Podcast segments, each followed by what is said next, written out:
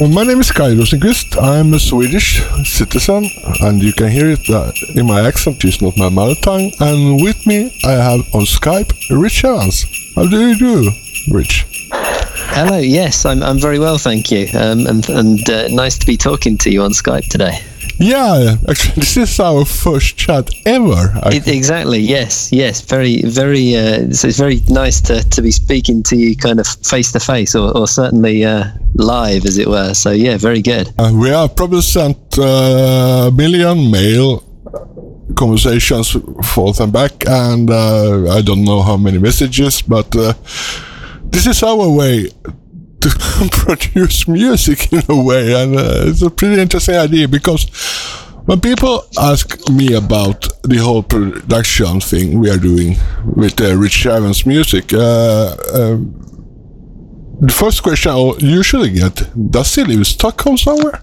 I said, no, he's in England. And then people start to get confused. They start to you just see how their eyes start rolling and the whole head will start uh, working. And the next question is, but how do you proceed with music? I think it's pretty fantastic. Well, it, it, works. It works very well, though. And I think. Um I think music in itself is is kind of like a language, isn't it? And I think um, I, I, think we're we're very lucky that we have we have a very sort of similar outlook, and uh, I think it, it, it, it just kind of works doing email or messaging. Um, I think we, we kind of understand the the kind of direction that, that each of us is going in, and um, I mean I think the results sort of speak for themselves. Uh, they've been uh, uh I mean it's kind of evidence that the system works. You know. I mean uh, I have done uh, a couple of uh, other productions, of course, and uh, but then you usually have the guy sitting next to you, and he,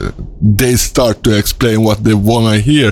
We are working precisely different way here. I mean, I send you my idea, you more or less listen to it and uh, come up with suggestions, change this and change that, and I, I think that is pretty uh, charming way to work it takes more time. I agree, definitely. Um, and, and I think sometimes if you are sat uh, side by side in a studio, um, it, it's it's nicer sometimes to have time to kind of reflect on uh, on on things that you've recorded and to take and, and that's what's been so nice about this this collaboration is is being able to spend time uh, and and come back to tracks rather than just being in a studio and thinking, okay, it's got to be this way and it's got to be now. And and and sometimes you then you then think, oh, I wish we could have done it differently. Um, so this is this is nice. This is a slower pace of working, but mm. I think it suits it.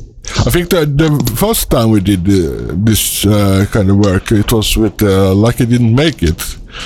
That's right, yes. That was uh, really interesting how we proceed with that because I think we had at least 200 versions of it before we decided what we, we got on tape. But uh, for me, it was a new way to work, and uh, I was really rusty at that time. And I was thinking, oh my god, dude, are we doing okay here? Are we still friends? and I came up with so many ideas, and you were pretty clear what you wanted with that one, and I think that was really interesting to find it, to find that song that you really had in your head. That this is the way you want it to sound, and finally got there. I mean, the trip was long, but it was a cool way.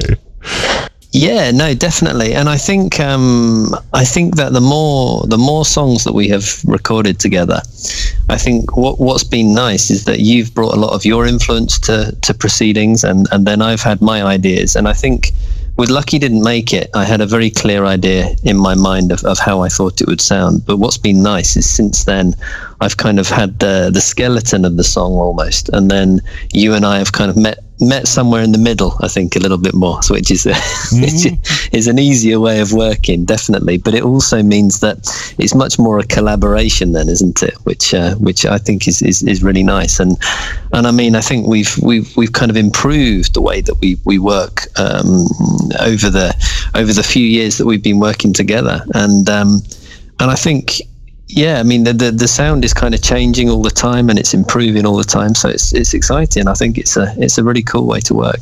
And uh, I, I, was thinking of this whole first EP we made together, Motel Living. Uh, it has a pretty clear 70s sound. But did we really aim for that from the beginning. I don't remember it anymore because uh, it just sounded like 70s when we were finished with it. But uh, was that a plan from the beginning? I, do you remember that? Uh, yeah, I, I, don't think I don't think that um, it, it kind of evolved that way, didn't it? But I, yeah. I, don't remember us kind of sitting down and saying, okay, this is this has got to sound like uh, kind of classic rock radio or whatever. It just, I think sometimes the songs almost. Uh, they they kind of decide for themselves, don't they? And uh, yeah. and I mean, since then we've we've tried different styles and all sorts of things. But yeah, that that first EP was definitely. Um, it, it just felt like uh, that was that was the way to go with it. Really, very very classic rock. yeah, and uh, the second EP, Kentucky Bourbon, was a little bit more rock uh, blues influenced, uh, but um, you could already notice in the sound of that it's like more modern in many ways. But uh, you also used an old song there, uh, "Kicking Through the Cinders." Why did you want yeah, to that's, redo that one? That, yeah, I mean that was very exciting because I mean there have been through the years there've been a few different versions of that and lots of kind of live versions of it that have been done, um, and it was really nice to kind of strip it back um, and and then build it up again from from kind of scratch and um, and and that was I think that was very interesting because the the, the as you said the the kind of more bluesy and more bl- rock kind of more modern sound then influenced that. And so when we re-recorded kicking through the cinders it it kind of fitted alongside all of those other songs. Whereas if you'd have taken a version of it from maybe 10 or 15 years beforehand it would probably have sounded out of place. But as it was the the, the kind of template the sound template really uh, really kind of worked, and uh, it, it put a whole sort of different different atmosphere on that song. So that was mm. that was exciting. And uh, on that EP also we had a "Still in Love with You," which is a bit um, different from all the other songs there, but. Um, somehow it still fits in, and uh, I think that one is the least listened to song. But uh, at the same time, it's, it's the most interesting song. Also, uh, what do you remember of make, making that one? What, what yeah, I mean that that is a. I, I'd written that a, a very long time ago and, and never never done anything with it, and so it had gone through a few a few kind of different versions, and um, in fact, I think uh, years ago, I mean years and years ago now, I, I lived in Osaka in Japan for a, for a year, and um, I wrote a lot of songs. I used to live in a in a kind of tower block, uh, about 20, 20 stories up, twenty floors up, and uh, I used to sit there, kind of looking out over the city, and uh, I wrote a lot of songs, and I think that one maybe from memory. I think it survived from those days, and uh, and it kind of sat there in a notebook for years and years and years, and um, and yeah, it's it's got a very different feel because it's kind of got that almost like waltz kind of feel to it. It's very slow and quite sad, and um, yeah, I mean, it's, it's that thing. It's, it's perhaps not the most listened to song. I think it's uh, you've got to be in the right the right headspace to, to want to listen to that one. But uh, yeah. it's uh, it was lovely, lovely to kind of to to let it see the light of day and to kind of put it back out into the world. I guess. Yeah, I, I think I thought it was a really interesting experimenting with that one. Also, I mean, it like we said, it's very different from all other songs, but uh, I think the problem is it's the last song on the EP, and uh, they are usually uh, not played that much. But then we have the exception of Motel Living with My Girl. That one is played most almost most of the songs. It's it's really funny, isn't it? I mean, I I, I guess maybe as well now uh, in the in the era of uh, of streaming, um, it, people approach approach albums or approach EPs differently anyway. Um, but yeah, I mean, my girl, it, it, it, kind of goes against the logic, doesn't it? So, yeah. so yeah, I mean, clearly, clearly that one is doing something that, that people seem to like. Um, I mean, you, you, did a great thing on the with the with the drums on that one, certainly. So I I, I blame that.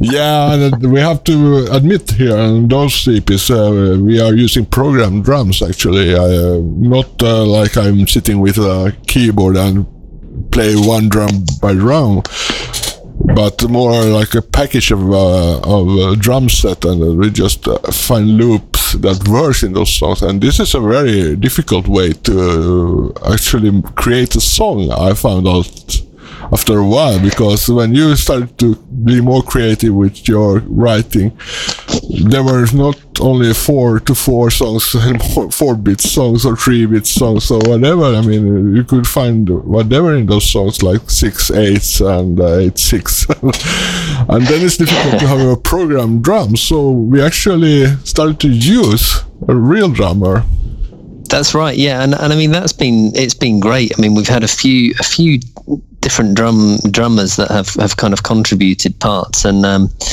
yeah there's there's something about the feel of a of a real drummer which um, I mean I'm I'm not a drummer myself so I, I struggle to kind of program program drum tracks. And I think if you don't play an instrument sometimes it's kind of difficult to to put down what you hear in your head. Whereas um, yeah, I mean some some of the some of the tracks that we've done with real drums have been uh, have been really impressive, and um, and and it kind of gives them a, it breathes like a new new lease of life into them almost, and you get that energy, which I think sometimes you, it, sometimes almost uh, program drums can sound maybe a little bit too perfect at times, I guess. Yeah, exactly. Because I remember when I asked uh, Marcus Helander on uh, OE Honey, he's playing the drums there, and uh, he was listening to all the songs, and he said, "Is uh, is there a drummer behind this, or is it programmed?" Yeah, so um, I mean, uh, Ollie Ollie Liu has been uh, been playing uh, quite a few drum tracks for us, and uh, we're also using um, an old drummer friend of mine called Steve Galloway, who he lives in Switzerland actually, um, and so I I love the idea of having different drummers on different tracks because, of course each each each different drummer brings brings kind of their own interpretation and their own take um, and their own style. And so yeah um, i mean steve has been playing on some of the more kind of I, I, guess sort of punk kind of tracks. And then ollie has been playing on some of the more um, kind of cl- well classic rock stuff. And then yeah i mean it's it's been it's been a really interesting kind of kind of variety hasn't it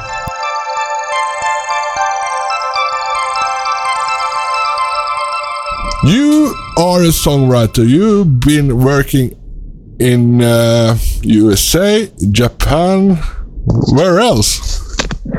Where did, where did yeah, I mean, it's, it's, it's yeah. kind of it's, it's those two places really. I mean, I obviously I, I grew up in, in the UK, and so I spent a lot of time uh, playing in bands, and uh, I, I used to play a lot of punk music, and then I I kind of well, I, I moved to uh, I moved to San Diego in uh, in California, and when I was there, uh, there was a, the, a real kind of coffee house culture with a lot of live music, and um, and I don't know if you remember there was a there was a singer songwriter called Jewel who had come down from uh, Alaska, and she had like a really big album called Pieces of You, and uh, she she kind of lived out the back of a truck in San Diego, and she played loads of coffee houses, and uh, and so I, I, kind of decided, well, you know what, I, I reckon I could uh, I reckon I could be an acoustic uh, songwriter, and so I, I, sort of changed what I did. I'd, I'd gone from the punk style to to kind of rock and roll, and then and then ended up as a as an acoustic singer songwriter, really. And so when I was in California. I spent a lot of time playing little shows, acoustic shows, and and kind of invented almost a new a new way of playing, I guess.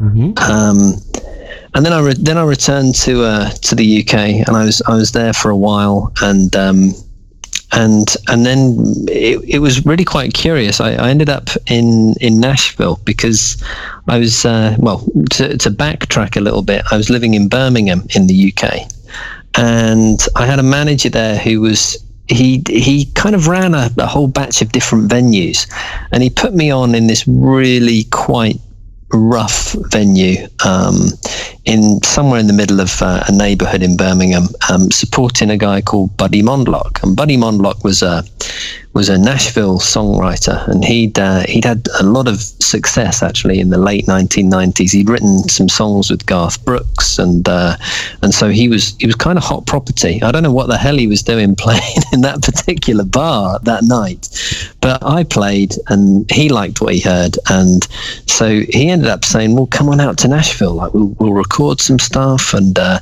I'll introduce you to a few people." And um, and so so I ended up out there, and um, and that was great. I spent quite a while um, out there in Nashville, recording demos, recording songs, writing songs with various people. Um, and yeah, I mean that was it. Didn't really come to very much. I mean, uh, I've had a couple of failed music careers, but the Nashville one was one of them. But it certainly taught me a lot about songwriting. I guess put it that way. Mm. Or how long was were you in Nashville? Well, I was there for a few different. Um, I was there for a few different stints, really. So I spent like a three-month stint out there, and then I did some touring, and then I kind of came back and did that another couple of months there, and then I came back to the UK for a bit, and then um, I was out there for a while. Subsequently, um, playing a, a, few festivals. I played the Folk Alliance Festival, um, which was held there, and a few others, and then that kind of, for whatever reason, sort of petered out. And so I ended up playing back in, in London with a band called um, the Mariachis, who we ended up doing quite a lot of touring actually, um, playing Americana kind of alt country sort of music. Um, we did a lot of touring in, in, in France, a lot of touring in kind of Germany and Switzerland, and um, and had a great time. Made a few records, um, and it was one of those things where we had a, a management contract where it looked like things were going to happen with major labels and then they didn't. And then so we ended up putting things out on smaller labels. And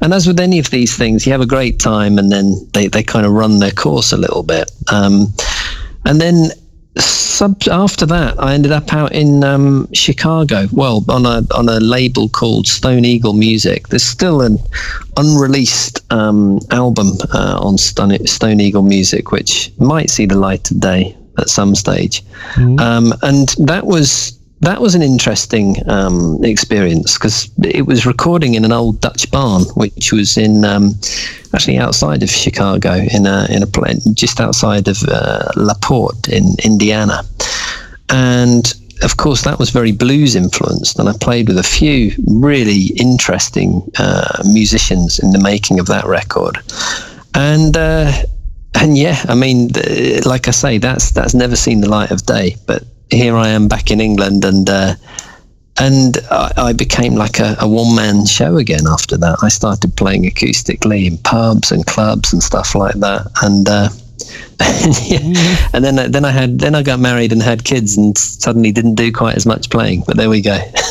yeah, that's pretty much the story. but you still have time for that. I mean, uh, music has no age limit. Actually, I heard the other day someone told me. I think he was a bit optimistic on that one, but uh, it sounded really cool actually. Because I'm in the same situation with kids, and uh, you you want to have the family part. I mean, you you need that under your control, and uh, you want to be part of uh, being growing up.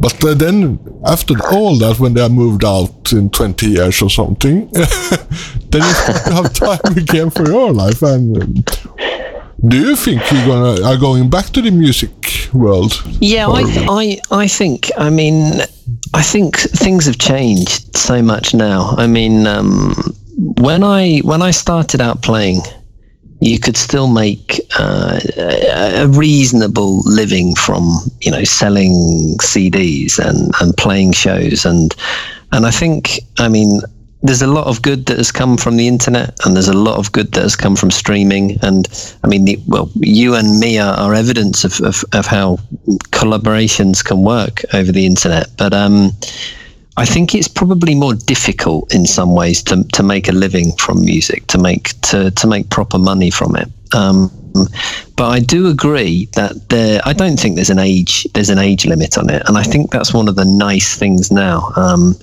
is that the the internet means that pretty much anyone can record songs and release songs, and they don't have to be signed by a particular label or put in a particular studio.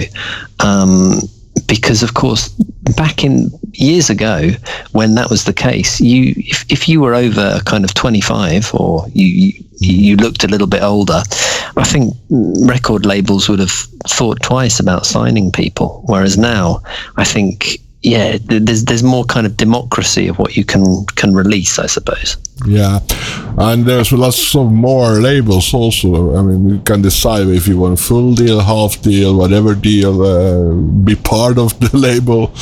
Uh, I mean, you and me, we started a label just for fun of it. So you can do whatever today. I mean, it's pretty cool, but it's also pretty dangerous, I think, the music world today, because you have to be really sharp and look forward and backwards and uh, beside you all the time. And uh, I mean, if you have a chance to survive, how, how do you, how would you do that? I mean, uh, if, if you decide right now, I would just want to play music, how would you start that career? I think, uh, well, at, at, the mo- at the moment with coronavirus, I think uh, I think it would be a very bad decision for anyone. But um, if if if coronavirus was not happening, I think. Um, I think you would probably have to. I mean, I, I, I know people who are who are still full time musicians, but a lot of those guys, they they can't just play their own music. You know what I mean? They they will be playing in in kind of covers bands like a couple of nights a week, or maybe function bands or things like that. Or they'll be supporting other artists. Um, I think to to be a, a full time musician and to play to play just your own music that would that would be that would be very very tough at the moment. I think. Um, or you kind of go down the route, I suppose, of doing uh, like library music or, or kind of catalog music and, and writing for adverts and and I like that. I, I kind of get that, and there's aspects of that that I find exciting. But I think it's important to remember that uh, music being art and and having something to say and uh, and, and it kind of comes from within you really. And i think if you're just sat there trying to write i don't know a pepsi commercial or something like that i think i think that would be very difficult to to think yeah i'm i'm i'm, I'm still making art here. Do you know what i mean? Like yeah i can remember was it in the 80s we had a lot of uh, pop rock stars who became famous from Co- coca-cola commercials a song called uh, First Time or something like that. And that song became a huge hit by, by the 80s uh, phenomena. And uh, what uh, you just have to say wow to that. I mean, who becomes famous today from a commercial? You don't even know yeah, well, things on, on the on the commercials most of the times.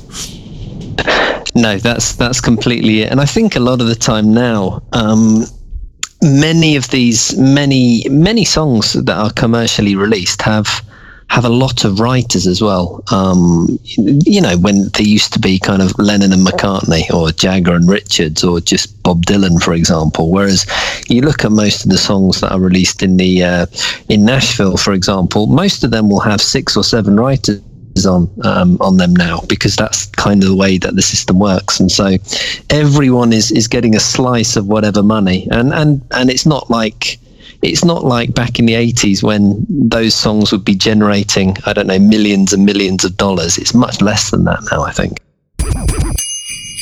I think that part of the part of the issue or part of the part of the explanation, I think, is that when you and I were kids, you'd listen to music a lot of the time.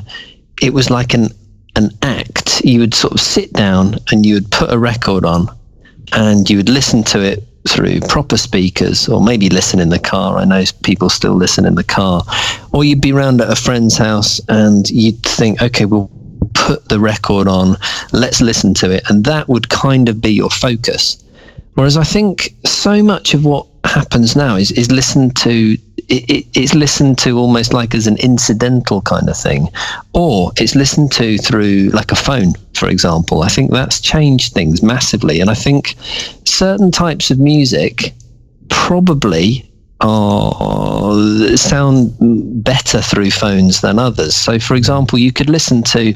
I don't think if you were to listen to Hotel California now, um, it would matter listening on a phone or listening on, on, on kind of big speakers. Uh, sorry, it would matter.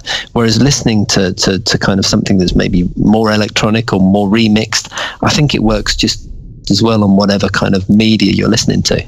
Mm. That's my that's my that's my theory anyway.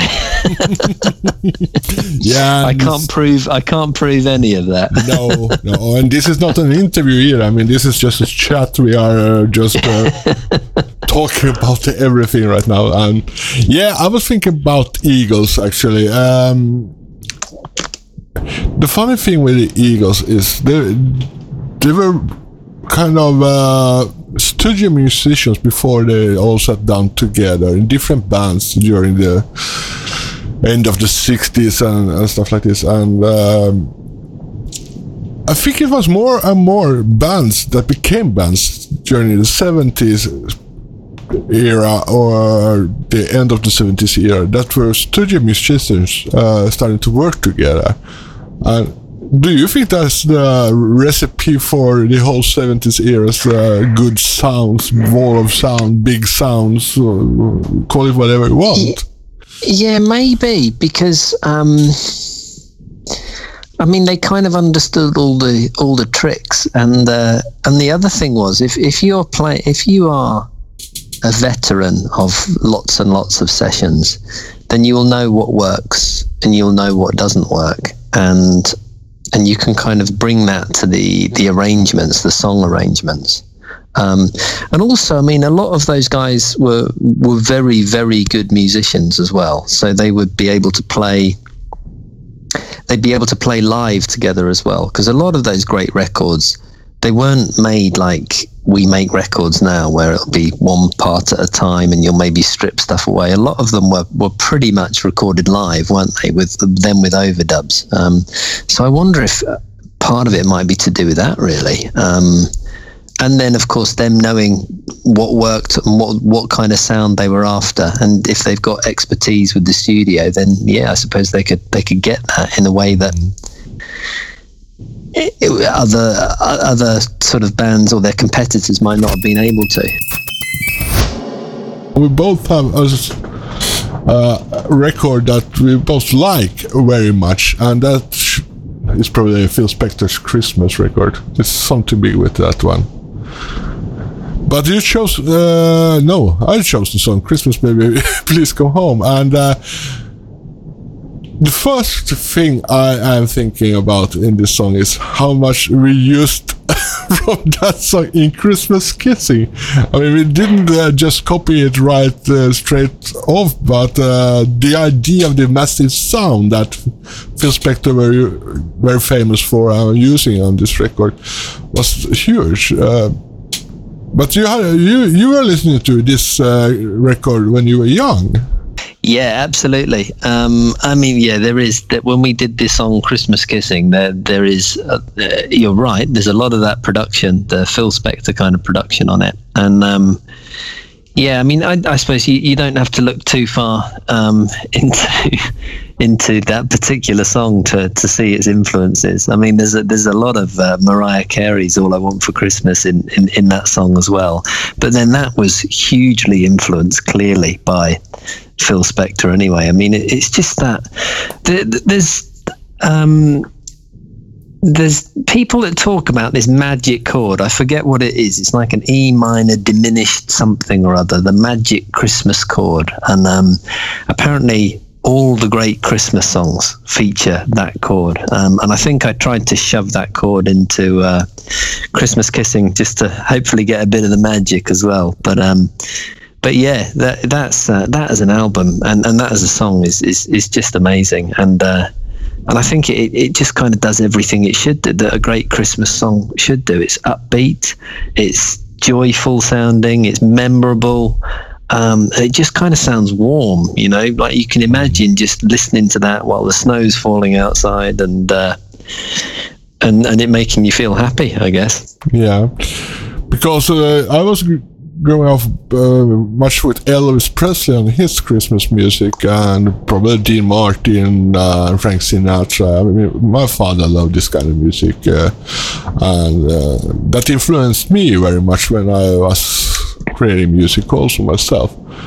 Uh, but uh, somehow that has become more like uh, dinner music or maybe background music for the Christmas dinner or something like that. But you can't have it like this whole Phil Spector's uh, Christmas record as background because it takes over so much. Uh, is that a good Yeah. for a great uh, mu- music uh, record? Yeah, I, d- I don't quite know how how it's happened, um, but I know exactly what you mean. I think, yeah, the Elvis stuff. I, you're absolutely right. It, it's that kind of same. Uh, it it kind of treads that same path that sort of soft jazz or smooth jazz does, where people will put it on in the background at cocktail parties or stuff like that. And I, I don't really know how uh, how it's happened like that, but um, I don't. I mean, I guess. Um, in like movies like Goodfellas, uh, Martin Scorsese used a lot of um, Phil Spector music. I wonder if maybe it's it's become, or maybe it was a bit cooler because of that, or maybe it's just been out there in the world more kind of recently. Um, and I think it's used on quite a lot of TV adverts and stuff like that. Whereas I can't remember the last time that I heard um, an Elvis Christmas song uh, other than, like you say, background music. It's funny the way that things happen. right. Let's talk about John Prine instead. Christmas in Prison. That's an old goodie. Why didn't you choose that one?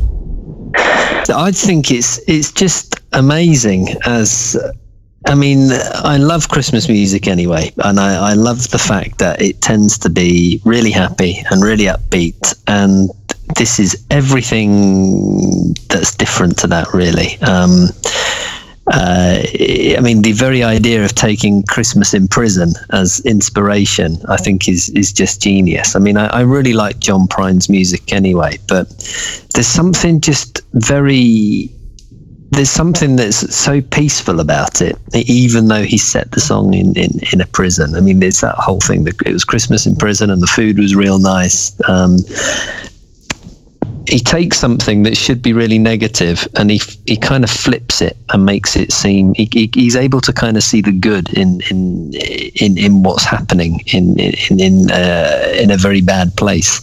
Um, and I just think it, it's great for that because he's he's not saying oh like everything's wonderful in the world and let's forget all of our troubles. Um, but at the same time he, he it's kind of there in the background and I think it's it's I think it's lovely Right. Um, I'm just checking out the list right now, and uh, you have also chosen a song by called uh, "The Christmas in the Trenches" by Darryl Purpose. yes yes This is interesting because uh, Darryl is a pretty new guy in the music business, and he had an interesting way to approach this business. Also, do you know what that is? Yeah, I mean, he. Um, I met him. Uh, I mean, this is years ago in in Nashville. Uh, kind of what they call a guitar pool, or a kind of songwriter circle, where everyone kind of sits and and just plays their songs, and then you kind of go around the circle. And um, yeah, I uh, and he gave me uh, a copy of the the kind of Christmas album that he'd done. And I mean, before before being a, a songwriter, he was a, a professional blackjack player. Yeah. And um, yeah, he had some quite interesting stories about that. Because I guess he was very good at playing blackjack, and so lots of casinos would not let him in uh, anymore. Because I think I think they worried that he would take all their money. But uh, but yeah, this is a great song. I as far as I know, he didn't write this, but I really like the version that he does of it. And um, I mean, the Christmas in the Trenches is the it, it's about the uh, First World War, 1914, and that first um, that first Christmas in the trenches, um, there was a truce between the, the British and the, the German troops that were fighting. The soldiers went out into to no man's land. At least that's how the story goes. And there were definitely sections of the the battlefield which were like this, and they they kind of met up with each other and they shook hands and they uh, didn't fire guns and they traded cigarettes and uh, and you know alcohol and stuff like that, and then. Um, and then the next day they, they went back to, to fighting and mm, carried on fighting for another sort of three and a half years. And so I think it's it's a fascinating idea. It's a fascinating story because it's just that thought of if they could have gone out into the middle of no man's land and met up and been peaceful, why why couldn't they have uh, why couldn't they just have, have, have had enough uh, had had done with the war then? But I guess as as in all of these kind of situations, it's the the thing that it's the politicians and the leaders and the rich folks who who tend to start the wars, and it's the the poor guys that do the dying. And I think that that's one of the things that this song, Christmas in the Trenches, kind of gets this idea across so well. Interesting story. I mean, I, I heard uh, this story also about uh, a football mm, game between Germany and England during Christmas. Yeah, that that gets told as well. I mean, who knows? That there might well have been uh, there might well have been a, a football game that was played. Um, you wonder um, because, of course, the, the the English troops always say that they won the game, and then the Germans that they won the game. Um, and I mean, it, it must have only happened in a very small section. But I remember someone writing in a in a book that if every single soldier who said that they played in that game actually played in it, then there would have been about a hundred thousand men on each side or something like that. So Wow, that's a cool story actually. But right, uh, I I was thinking going back to you a bit uh, here because um, you love to write. I, I noticed that when uh, you send me your songs and uh, you have a you have your way with words that uh, it's important with songwriting, of course, but. You never write too long songs. I never write too short songs. Um, but what do you enjoy more, uh, writing songs or performing? I think if you'd have asked me kind of, I don't know, maybe 10 years ago, I'd have probably said performing. Um, I think that the older I've got, the more I enjoy kind of recording and being in the studio. And I think that years ago I would write songs and think, okay, well, how will this work live? Will it kind of get people excited? Will it get people moving? Um, and I think the longer I've been writing songs, the more I've started thinking about stories and the way that words kind of work. And so, so right now, I'd say I, I probably enjoyed the the songwriting more than the performing. But by the same token, I, I, guess no musicians are doing a great deal of performing at the moment. So, so I suppose I've got to say that really. right, right, because um, you also sent me a, a, whole movie script once. Uh, this is where I thought you you you absolutely love to write things, don't you?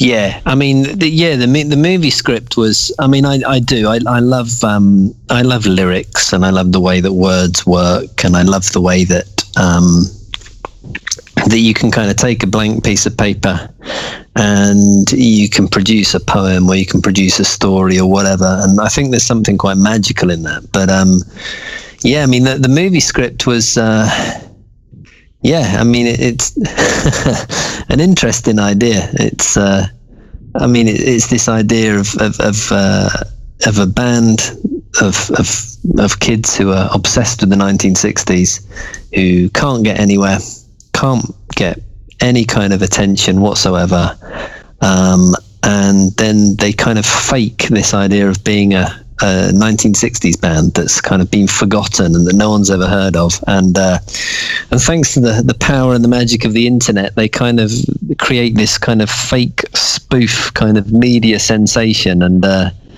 and become really successful, but of course the, the, the difficulty is that they can't actually admit that they're that the band they're in isn't real. So all of the time they're they're kind of fighting this idea of um, they're fighting this idea of of being able to perform and pretend to be this band, but they can't actually admit who they really are. And I think, I think that's that. What I like is the idea of creating characters or, or taking people that I know and, and kind of making them into characters. And I think that's that's what's so lovely about songwriting. Because I think a really good song, and I mean Bruce Springsteen, for example, does this so well. A, a really good song is kind of like a movie, but it's a movie in four or five minutes rather than being a, a full movie script. So yeah.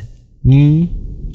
And you have also started to write songs to this uh, movie script.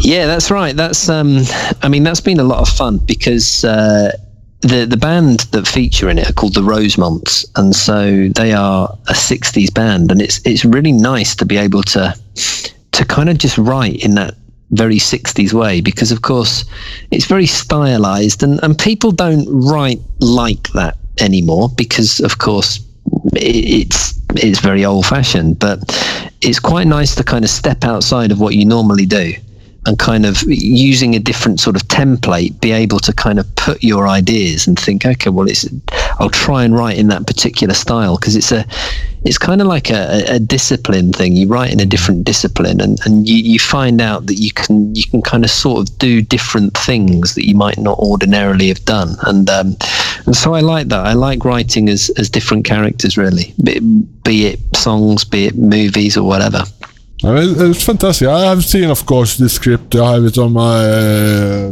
desk here, and I read it sometimes. It's a long script, and uh, it's a full movie story, and I love it. I mean, uh, we need to get that one out to some publishers uh, someday when the world's yeah, that, that would, that would be that would be lovely. I mean, and, and the idea about being then able to kind of bring these songs to life would be uh, would be wonderful.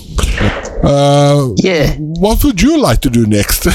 we have tried a lot of things well, we, now. We have, and I think I think it's what's so nice is that we've got a lot of um, a lot of songs in the in the kind of pipeline. Um, I mean, we could probably we could probably almost put out a, a, a a box set of, uh, of, of kind of unreleased stuff or, or rarities or things along those lines already, which is uh, because because some of the things we've moved on from. But I think what's been nice is that I think we've moved kind of in slightly different directions, and we've kind of we've done songs in a particular style, and then we've moved to something else. And I think I think we're still kind of almost feeling our way to what our actual sound is and i think that's the the really nice thing about it i mean we've been we've been doing quite a lot of blues recording lately um, but obviously whether or not we end up kind of going down that avenue or whether we move into